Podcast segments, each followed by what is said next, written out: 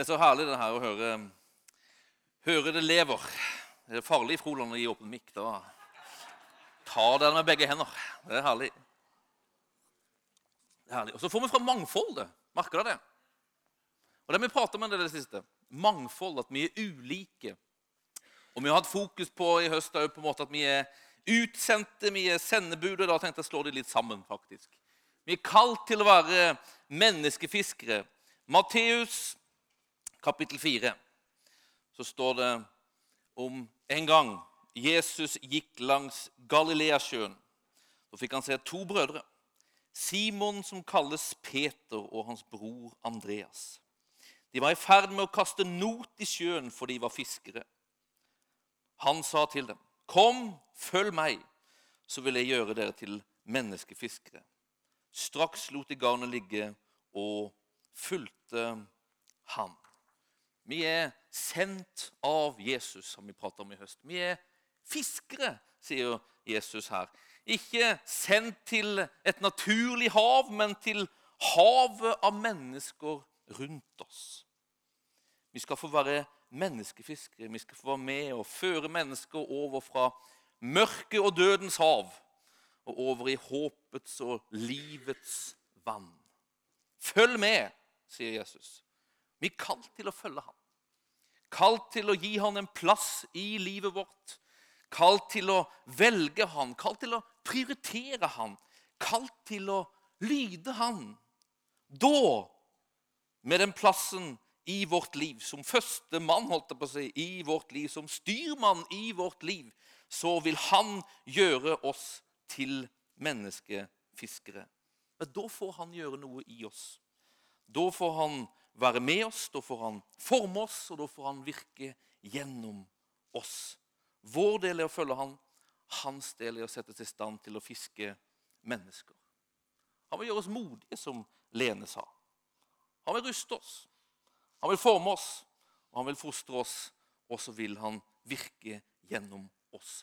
Og når vi handler i bevissthet på de vi er, utsendte som menneskefiskere, så får vi være med og fiske mennesker. Vi får være med at han virker gjennom våre liv, og at hans liv, kraft og frelse får nå ut til mennesker rundt oss. Vi er med i det her vi kaller Agenda 1. Denne, for et par år siden var vi på en samling borte i Mandal. Og Da var det en sånn en, eh, på den tida var han en, en av lederne i, i Nordmisjonen. hadde ansvar for et område i Nordmisjonen. Han stilte seg opp og hadde et eh, forelegg eller en, en, en, preken eller hva det var, om å være menneskefisker, om å være fisker. Husker du Jarle? Glemmer det aldri. Det var utrolig levende. Han hadde på fisk, eh, sånn fiskevest og greier. Og la ut om hvordan man fisker, og hvor ulike fisk er. Hvor mange typer fisk som fins, og hvor ulike liksom, redskaper og metoder man må bruke for å få de ulike fiskene på kroken. Og det er så sant, altså. Det er så sant. Det er et sånt mangfold av fisk, og det behøves et mangfold av fiskere for å nå alle mennesker i denne verden. Derfor er vi ulike. Derfor er vi ulike. Man kan tenke seg, Men er det ikke bare å kjøre garnfiske? Er det ikke bare å kjøre storfangst hele tida? Jo, jeg tror på det. Jeg tror på garnfiske. Det er jo faktisk det som er mest bibelsk. Da fisker du med garn. Og, da, og, og Jeg tror på liksom å kaste ut for å fiske store og mange på én gang. Men så er det ikke alltid det er liksom tid for det. Jeg tror den type fisking, kampanjevirksomhet, teltmøter det er noe vi gjør sammen. Det er noe vi gjør som liksom kollektiv, det er noe som krever planlegging. Det er noe vi ikke kan gjøre hver dag. Jeg har en, jeg har en venn i Sverige, han heter Mats. Og Han, hadde, han var, var, var, ganske tidlig i sitt kristent liv. Så kom han til Sverige og så gikk han på bibelskole. Og så var han liksom ordentlig tent i brann, altså, sånn som bibelskoleelever er. Og I Stockholm så fins det en del sånn her, Dere har hørt om svenske tilstander? har dere ikke hørt om Det Det er så populært. Og det er noe i det, altså. For i Stockholm, i, i de forstedene der, så noen av de så er det ganske tettpakka med muslimer. Og ganske radikale muslimer. En av de forstedene heter Rinkeby. Og Mats han var on fire, og han så, han hadde oppdaga Rinkeby. Han kom fra Finland. Oppdaga Rinkeby, og det var, det var jo masse fisk. Det var jo muslimer der. Og Han hadde ikke tid til å planlegge noen kampanje eller ha masse forbedere rundt seg. Og, og så her. Han tenkte jeg reiser til Rinkeby. Og Han reiste til Rinkeby, stilte seg på torget i Rinkeby. Det var masse folk rundt der. Stilte seg på torget, og så begynte han å skal fiske. Og Så kaster han ut, nettet og så sier han, 'Alle er død! Jesus lever', sa han.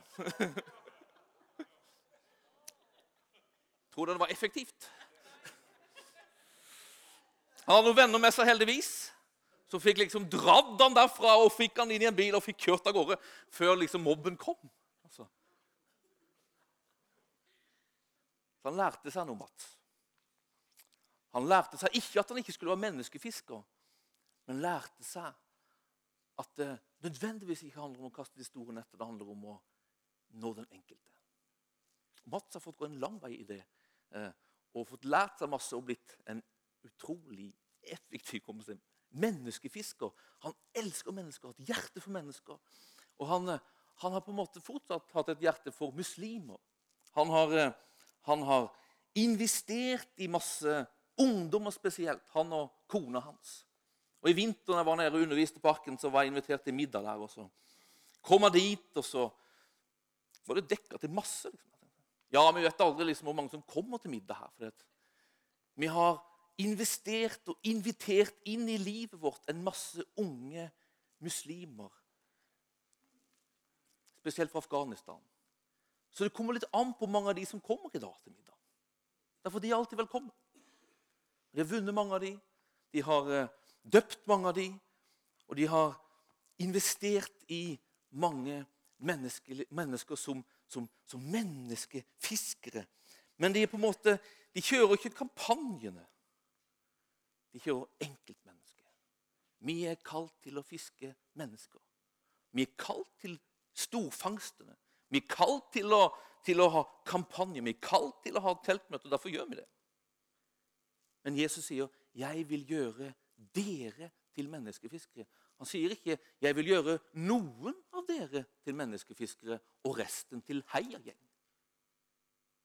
Jeg vil gjøre dere til menneskefiskere. Så bekvemt det vært å bare kunne sende Geir. Så bekvemt det vært å bare kunne sende Inge. Men hver og en av oss er kalt til å være mennesker, menneskefiskere i hverdagen.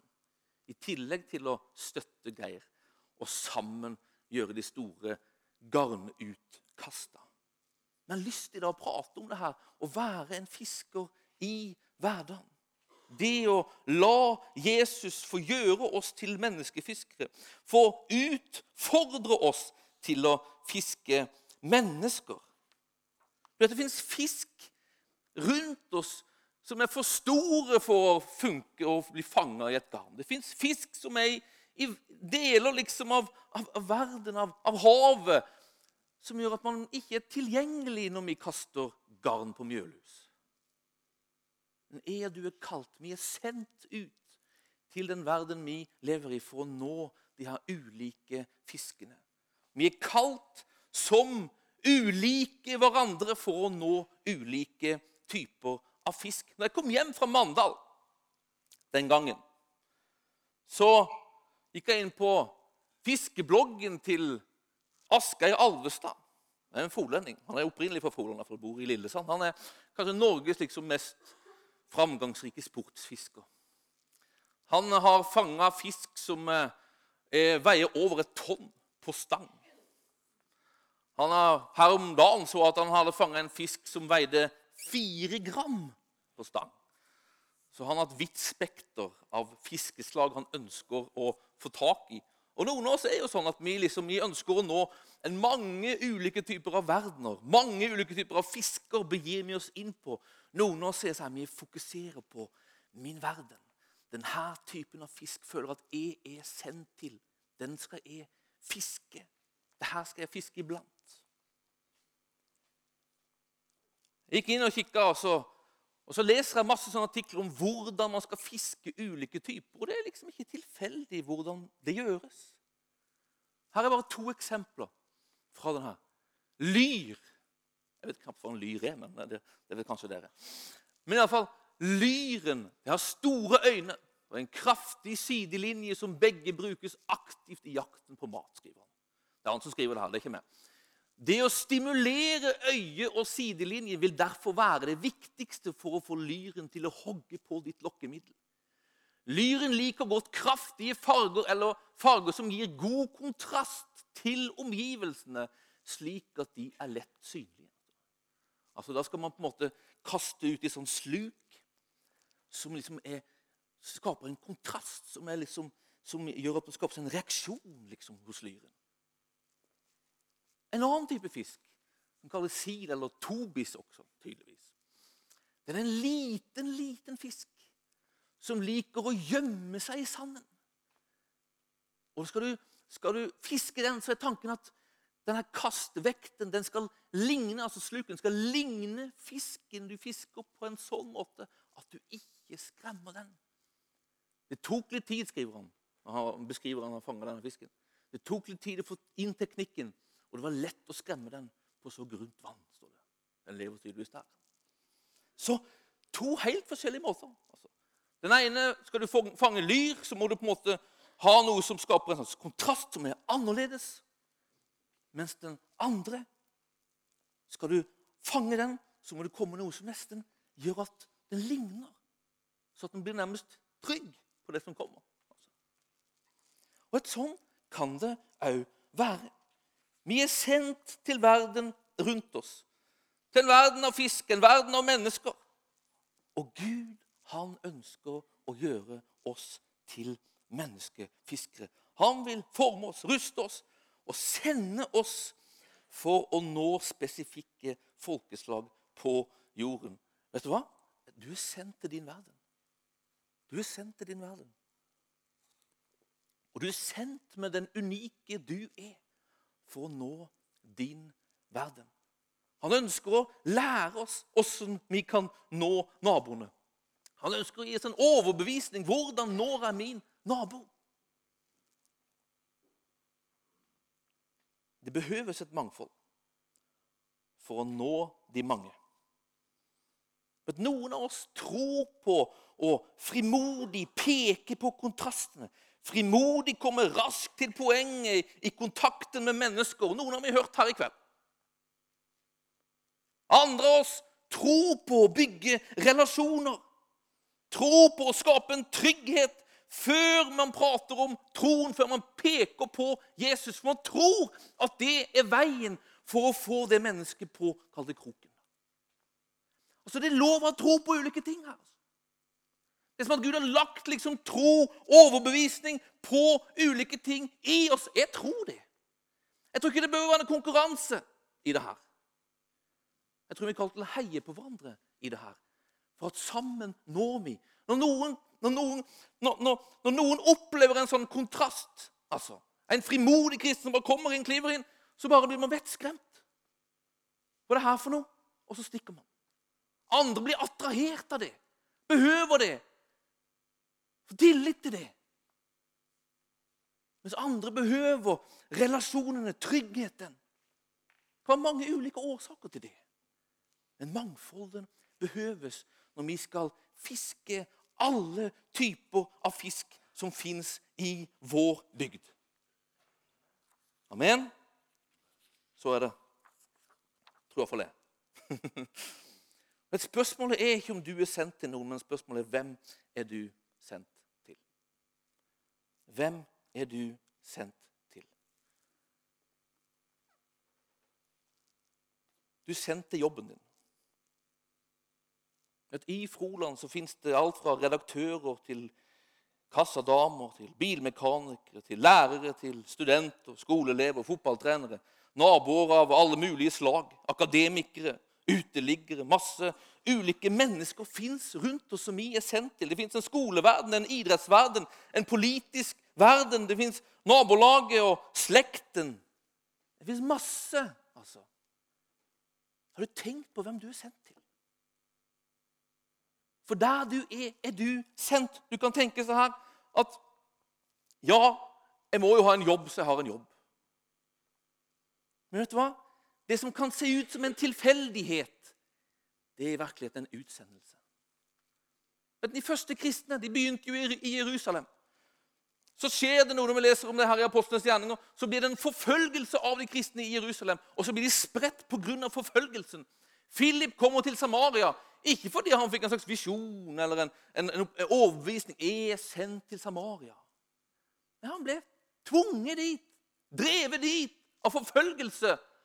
Og når han kommer dit av de årsakene, så inntar han en bevissthet. Jeg er sendt til de her menneskene. I den verden du lever i, på den jobben du går til, kanskje fordi du behøver en inntekt Ikke bare kanskje, det er antageligvis det. Så er ikke det bare grunnen. Det er en grunn. Men du er jo sendt dit. Du er sendt dit. Jeg har lyst til å utfordre deg på det i dag. Du er sendt til den verden du står i og går i, som den du er.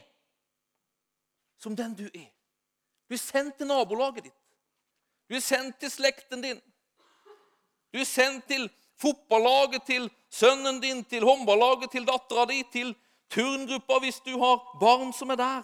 Du er sendt dit til de menneskene som er rundt deg. Du er sendt der for å bringe inn det du er. Det fiskeredskapet du er. Du kan ikke tro på kontraster. Hva tror du det? Vær frimodig. Kjør på. Lag litt rabalder. Helt greit. Men hvis du tror på det andre, så gjør det. Og så skal ikke vi liksom, som ulike stå og liksom være kritiske til hverandre og være liksom skeptiske til hverandre. Vi skal heie på hverandre. Vet du, Jeg husker, jeg husker Sigbjørn. Han tar det her, Sigbjørn, uten å spørre deg. Sitter der inne, han. så er det. jeg spilte fotball med Sigbjørn før jeg ble kristen. Var, det var interessen til Sigbjørn som bringte han til fotballverden, antageligvis. Men han var en bevisst troende der. Og Sigmund var ikke en sånn som stilte seg i garderoben og prekte evangelium. og sånt der. Han var liksom en som, som bygde relasjon og fikk tillit på en måte fordi han var en av oss. Vi opplevde han var en av oss, Men allikevel så våga han være annerledes når det behøvdes. kan man si. Så når vi festa, så drakk vi alkohol. Sigbjørn drakk brus. Jeg tror det var cola til og med du drakk. Var det? Ja, jeg husker til og med det. Så inntrykk gjorde det. Altså, Det gjorde inntrykk på oss, det han var i den gruppa. Når vi baksnakka og kritiserte i garderoben Jeg kan aldri huske han gjorde det. Han var allikevel annerledes, men en av oss, vi fikk en tillit og en trygghet til ham. Hvis han hadde stilt seg og forkynt evangeliet Jeg vet ikke. Jeg tror måtte ikke at jeg hadde hørt på ham på samme måte som jeg gjorde fordi han var den han var. Husker Sigmund kjørte meg hjem en gang. Der var jeg i prosessen når jeg var på, en måte på vei til tro. Da deler Sigbjørn sitt vitnesbyrd og deler sin tro med meg. Det var Sigbjørn som gjorde det. Han hadde en tillit. Jeg husker fortsatt at han gjorde det. Det er 20 år siden.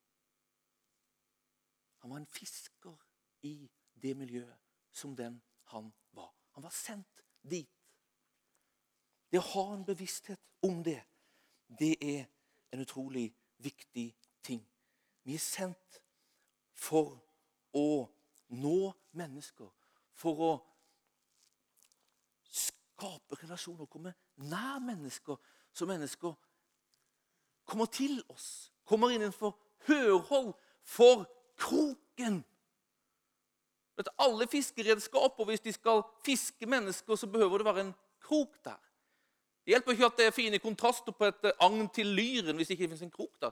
Lyren kan være kjempenysgjerrig på agnet, men så lenge det ikke fins en krok der, så blir aldri den fisken dratt opp av havet. Paul sier evangelium det er Guds kraft til frelse. Det er Guds kraft til å dra et menneske opp av synden og mørkets hav og over i livets og håpets farvann.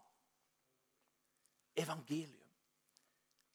Det er det som er fellesnevneren for fiskeredskap. Man kan være så ulike. Men vi behøver evangelium. Vi er sendt for å være ekte. Vi er sendt for å være oss. Vi er sendt til mennesker, men vi er alle sendt til å bringe med oss evangelium inn i den verden som vi er sendt til. Vi er sendt med et budskap. Et budskap om frelse ved troen på Jesus Kristus. Evangelium er budskap om frelse. Men et evangelium kan betone ulike ting. Du ser her fiskekrokene. Alle det her er fiskekroker, men de, de er forma ulike. De ser ulike ut. Og evangelium kan òg formes ulikt. Utformes ulikt. Altså betone ulike ting. Evangelium er budskapet om frelse til noe. Og vi kan betone det at det er budskap om frelse til noe. Det er, frelse til en kjærlighetsfull favn. Til et liv, til et håp, til en framtid, til en evighet i fellesskap med Gud. Evangeliet med budskap om en mulighet. Evangeliet med budskap om noe som er gjort ferdig, som er tilgjengelig for alle som ønsker og vil. Prisen er betalt. Det er en mulighet for alle mennesker, og selv det lille barn, det enkleste mennesket, kan ta imot evangelium og bli frelst. En sånn krok kan vi sette foran mennesker. Det er et håpets budskap. Det er et håp vi kan sette foran mennesker. Det er en Gud som vil ha fellesskap. En Gud som er håpets Gud. En Gud som sier at 'jeg vet hvilke tanker jeg har for dere'. Det er ikke tanker til ulykke, men det er tanker til fred. Det er tanker til framtid og tanker til håp som beskriver Jeremia Gud. Og det er jo beskrivelsen av evangelium. Det er en sånn Gud som ligger bak. Det er et sånt, et sånt perspektiv fins på evangelium. Uansett hvor mørkt det ser ut, eller hvor langt borte man har kommet, det fins håp ved evangelium. Evangelium er budskap om glede. Det er frelse til en glede. Jesus sier det her når han beskriver oppdraget sitt i Lukas 4, 18. Er salva til å forkynne et gledens budskap. Glede for de fattige, frihet for de fangne, syn til de blinde og frihet for de undertrykte. Det er et budskap om en Gud som er, som er glad. Evangeliet med budskap om en Gud som er, som er, glad, som venter, som vil ha fellesskap. Det er et budskap om at det fins en frelse til en sånn Gud.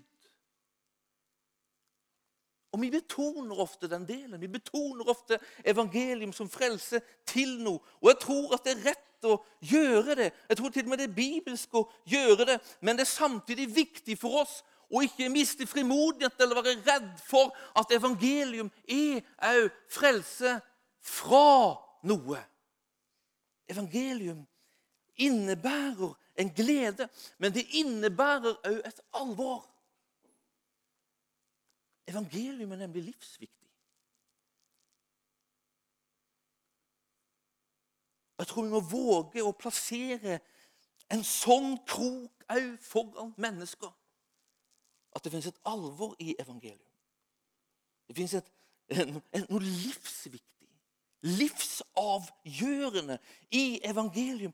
Det fins noe i evangelium som ikke fins noe annet sted. Nemlig frelse fra noe. Paulus sier at evangelium innebærer frelse fra vredesdommen, sier han. Vredesdommen, den dom som utloves allerede i Gamle testamentet over synden. Det er en del av evangelium. Det er en del av evangelium. Hebrebrevet sier at mennesket skal en gang dø og en gang dømmes. står det. Alle mennesker kommer innenfor dommen en dag. Den dommen som skal gå over synden. Og Har du ikke da tatt imot kroken, så kommer den dommen ramme du? Det er et alvor i evangelium som ikke vi må være redde for å plassere foran mennesker. Evangeliet er jo frelse fra fortapelse. Så høyt at Gud elsker verden, at hver den som tror på ham, ikke skal gå fortapt, men ha evig liv. Det er frelse til liv. men det er fra fortapelse. Livet borte ifra Gud. Livet uten Jesus. Livet uten å ta imot denne kroken. Det er et liv tilstand av fortapelse. Borte ifra Gud. Borte ifra Gud i denne tilværelsen, men òg et, et borte ifra Gud som fortsetter inn i evigheten. Det er et alvor i evangeliet. En tilstand borte ifra Gud, i fortapelse, beskrives som, som en tilstand der, man, der det oppleves som ild. Andre steder oppleves det som en, en kald kjølighet, et fravær. Men det beskrives som en pine. Det er det her som kalles helvete. Helvete er viktig. Det er riktig og, og, og virkelig hva det skulle si. Altså. Og vi må ikke være redde for å peke på det. For å peke på det. Hvilke sider skal vi peke på, da? Jeg tror, jeg tror at det er Den hellige ånd som må vise oss hvilke sider vi skal peke på. Jeg tror vi, Den hellige ånd må få vise oss Skal vi peke på en frelse til noe her, eller skal vi peke på en frelse fra noe her? Derfor at På samme måte som det er ulikheter som når ulike fisker, så er det på en måte ulike sider som faktisk når ulike mennesker.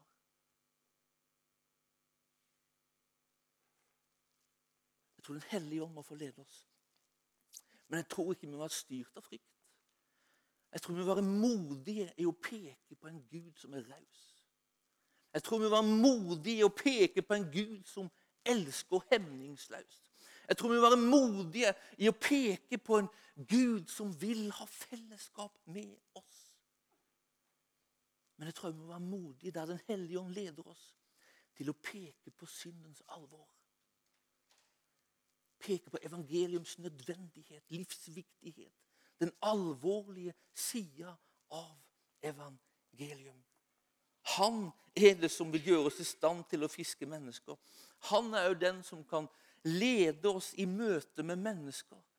Hva skal vi peke på? Hva skal vi vise på? Men jeg tror det er mot som gjelder, uansett hvilke sider vi peker på. For Gud han er radikal i sin kjærlighet. Han er mye mer radikal i sin kjærlighet enn vi våger å være, tør jeg påstå. Hans kjærlighet er større. Gud er bedre enn vi tror, brukte min gamle pastor å si. Og jeg tror han har helt rett. Men så fins det jo et alvor. Han er så god, Gud, at han, ikke, at han har en nød på sitt hjerte. Han har en nød på sitt hjerte for mennesker. Han kan ikke stå ut i å se at mennesker går fortapt. Og den nøden tror at vi må få tak på. En del av den, denne bønnen om at han må få gjøre oss til menneskefiskere, det er jo en bønn om at han må få legge sin nød for mennesker på oss. Så at vi innser alvoret sånn som han innser alvoret. Så at vi kjenner på smerten sånn som han kjenner på smerten over menneskebarn som ikke finner veien til ham. Følger dere med? Altså, Det fins ulike sider av, av, av, evangelium. Og han, Gud ønsker å betone ulike sider og tror til ulike mennesker. Vi er avhengig av hans hjelp for å gjøre det. En del av det blir satt i stand til å bli en menneskefisker, det er å få tak på hans hjerte. Bli smitta av hans hjerte. For det fins ett hjerte som er bak all form for menneskefiske, og det er hans hjerte. Det er det hjertet som uttrykker seg på Golgata kors. Det er det hjertet som, hjertet som elsker så høyt at han må gripe inn. At han må frelse. Og det hjertet ønsker han alltid at vi skal komme i kontakt med. Det er en del av å bli fiska ut av synden og mørkets hav og inn i håpets og livets farvann. Og der ønsker han at vi skal møte og oppleve. Mats, som jeg pratet om i begynnelsen, en av de ungdommene de har investert masse tid i, heter, eh, heter Nikita. Og han eh, var en pøbel av en annen verden da han var liten. Foreldrene skilte seg tidlig.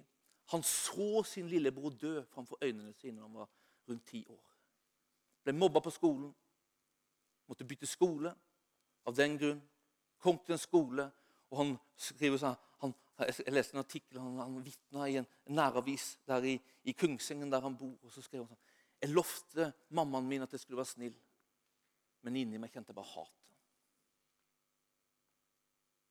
Han kommer til en skole i Kungsengen der, der vi bodde, og så, og så, er han en pøbel uten dets like. Altså.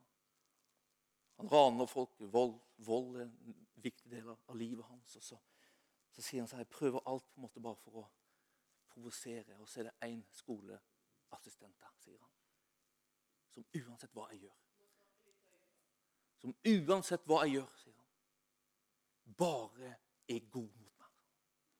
Bare er god mot meg. Det er liksom ingenting som biter. Han er bare god mot meg. Og det gjør han en slags livskrise, en slags, nesten en slags samvittighetskval i forhold til Gud. sier For han vet at denne skoleassistenten er en Jesus-troende. En menneskefisker som er bevisst på sin arbeidsplass. Og så sier han sånn En gang jeg begikk et ran, sier han, så fikk jeg så dårlig samvittighet i forhold til Gud. Altså, Han fikk en slags syndenød. Jeg begynte å søke i religion. sier han. Og plutselig så leser jeg Johannes 3, 16, sier han, og så bare blir det så levende for meg. Og så kommer han til tro, og så kommer han i kontakt med Mats og de, og så inviterer de han inn i livet sitt til den grad at han får bo der i perioder. Og han, de går sammen med ham tett, tett, tett, tett. tett. Denne gutt som var så full av hat. Skriver på Facebook når han og Mats feirer sånn her treårsjubileum for vennskap, så leser jeg det her. Tre år av disippeltrening, skriver han til Mats. Tre år av både tøffe og glade perioder. Lærer meg mye og kommer og lærer meg enda mer. Du gikk, sier han, fra å være en leder til å være en pastor, og nå er du en ekstra pappa i mitt liv. Kjærlighet, skriver han med masse utropstegn og masse hjerter etter. Han er fiska. Opp fra synden, tilstanden av å være fortapt, bort fra Gud, inn i et fellesskap med levende Gud som elsker og har en favn som en pappa over alle pappaer. For oppleve og erfare en gutt full av hat, smelter og er da bare ute etter å gi kjærlighet. Rapper. Han er nesten sånn Sebastian Stakset i miniformat. Rapper, radikale tekster om Guds kjærlighet, og livsmottoet hans er Johannes 3,16. Hvis noen kunne elske meg, så kan han elske alle. sier han. Men det er å gå tett med mennesker, det er å fiske mennesker Du er sendt til din verden for å nå din verden med den du er, pluss evangelium. Pluss evangelium. Amen? Amen.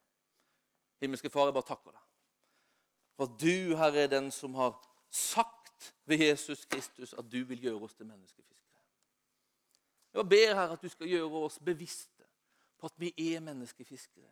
Bevisste på at vi er sendt til den verden vi lever i. Vi er sendt til nabolaget vårt. Vi er sendt til jobben vår. Jeg bare ber, Herre, at du skal vise oss personene, Herre, som du sender oss til. Det kan du gjøre. Jeg vil at du skal gi oss hjerte for konkrete mennesker. Jeg vil at du skal gi oss hjerte for konkrete naboer, Herre. Og vise oss, Herre, åssen vi kan være et agn sendt av du. Et agn kasta av du foran de menneskene. Gi oss visdom og forstand her også, vi kan nå mennesker. Komme til mennesker på en sånn måte at de kommer til oss, og vi kan få gi dem evangelium om du. Det glade budskapet om frelse. Frelse fra en tilværelse borte fra du, til en tilværelse i fellesskap med du som har skapt oss. Du som har elsket oss på en sånn måte som vi er skapt til å leve i, Herre. Far, jeg bare ber, Herre, at du ved din hellige ånd, Herre, setter oss i stand for å være et sånt folk, Herre, i denne bygda. Som gjør liksom eh, eh, happeninger, Herre, der vi kaster ut garnet i stor skala, men òg, Herre, som et folk som i våre hverdag er sendt av du for å fiske mennesker. Takker og priser deg og ærer deg for det. I Jesu navn. Amen. Han vil gjøre oss til menneskefiskere. Det står om Den hellige ånd. Når Den hellige ånd kommer, så kommer han for å være, gi oss kraft til å være vitner. Den hellige ånd er det som ruster oss. Ruster oss. Gir kraft til oss. Mot til oss for å leve som fiskere i hverdagen. Guds ord setter oss i stand, former oss. Men så er det Den hellige ånd som gir oss kraft og frimodighet til å leve det livet i våre hverdager. Og Jeg tenkte i dag at vi skulle ha en sånn forbundstunnel. Bruker å ha det av og til her. Vi setter forbedere mot hverandre, skaper en tunnel. De fleste har vært med på det før. Og så inviterer vi dere til å gå igjennom og bli velsigna av de forbedrene. Og I dag så kommer de helt enkelt til å be Hellige Ånd, fyll de med din kraft. Sett de i stand til å være fiskere. Vi sender de ut til mandag morgen tirsdag ettermiddag, onsdag kveld, torsdag lunsj, fredag middag. Da livet leves.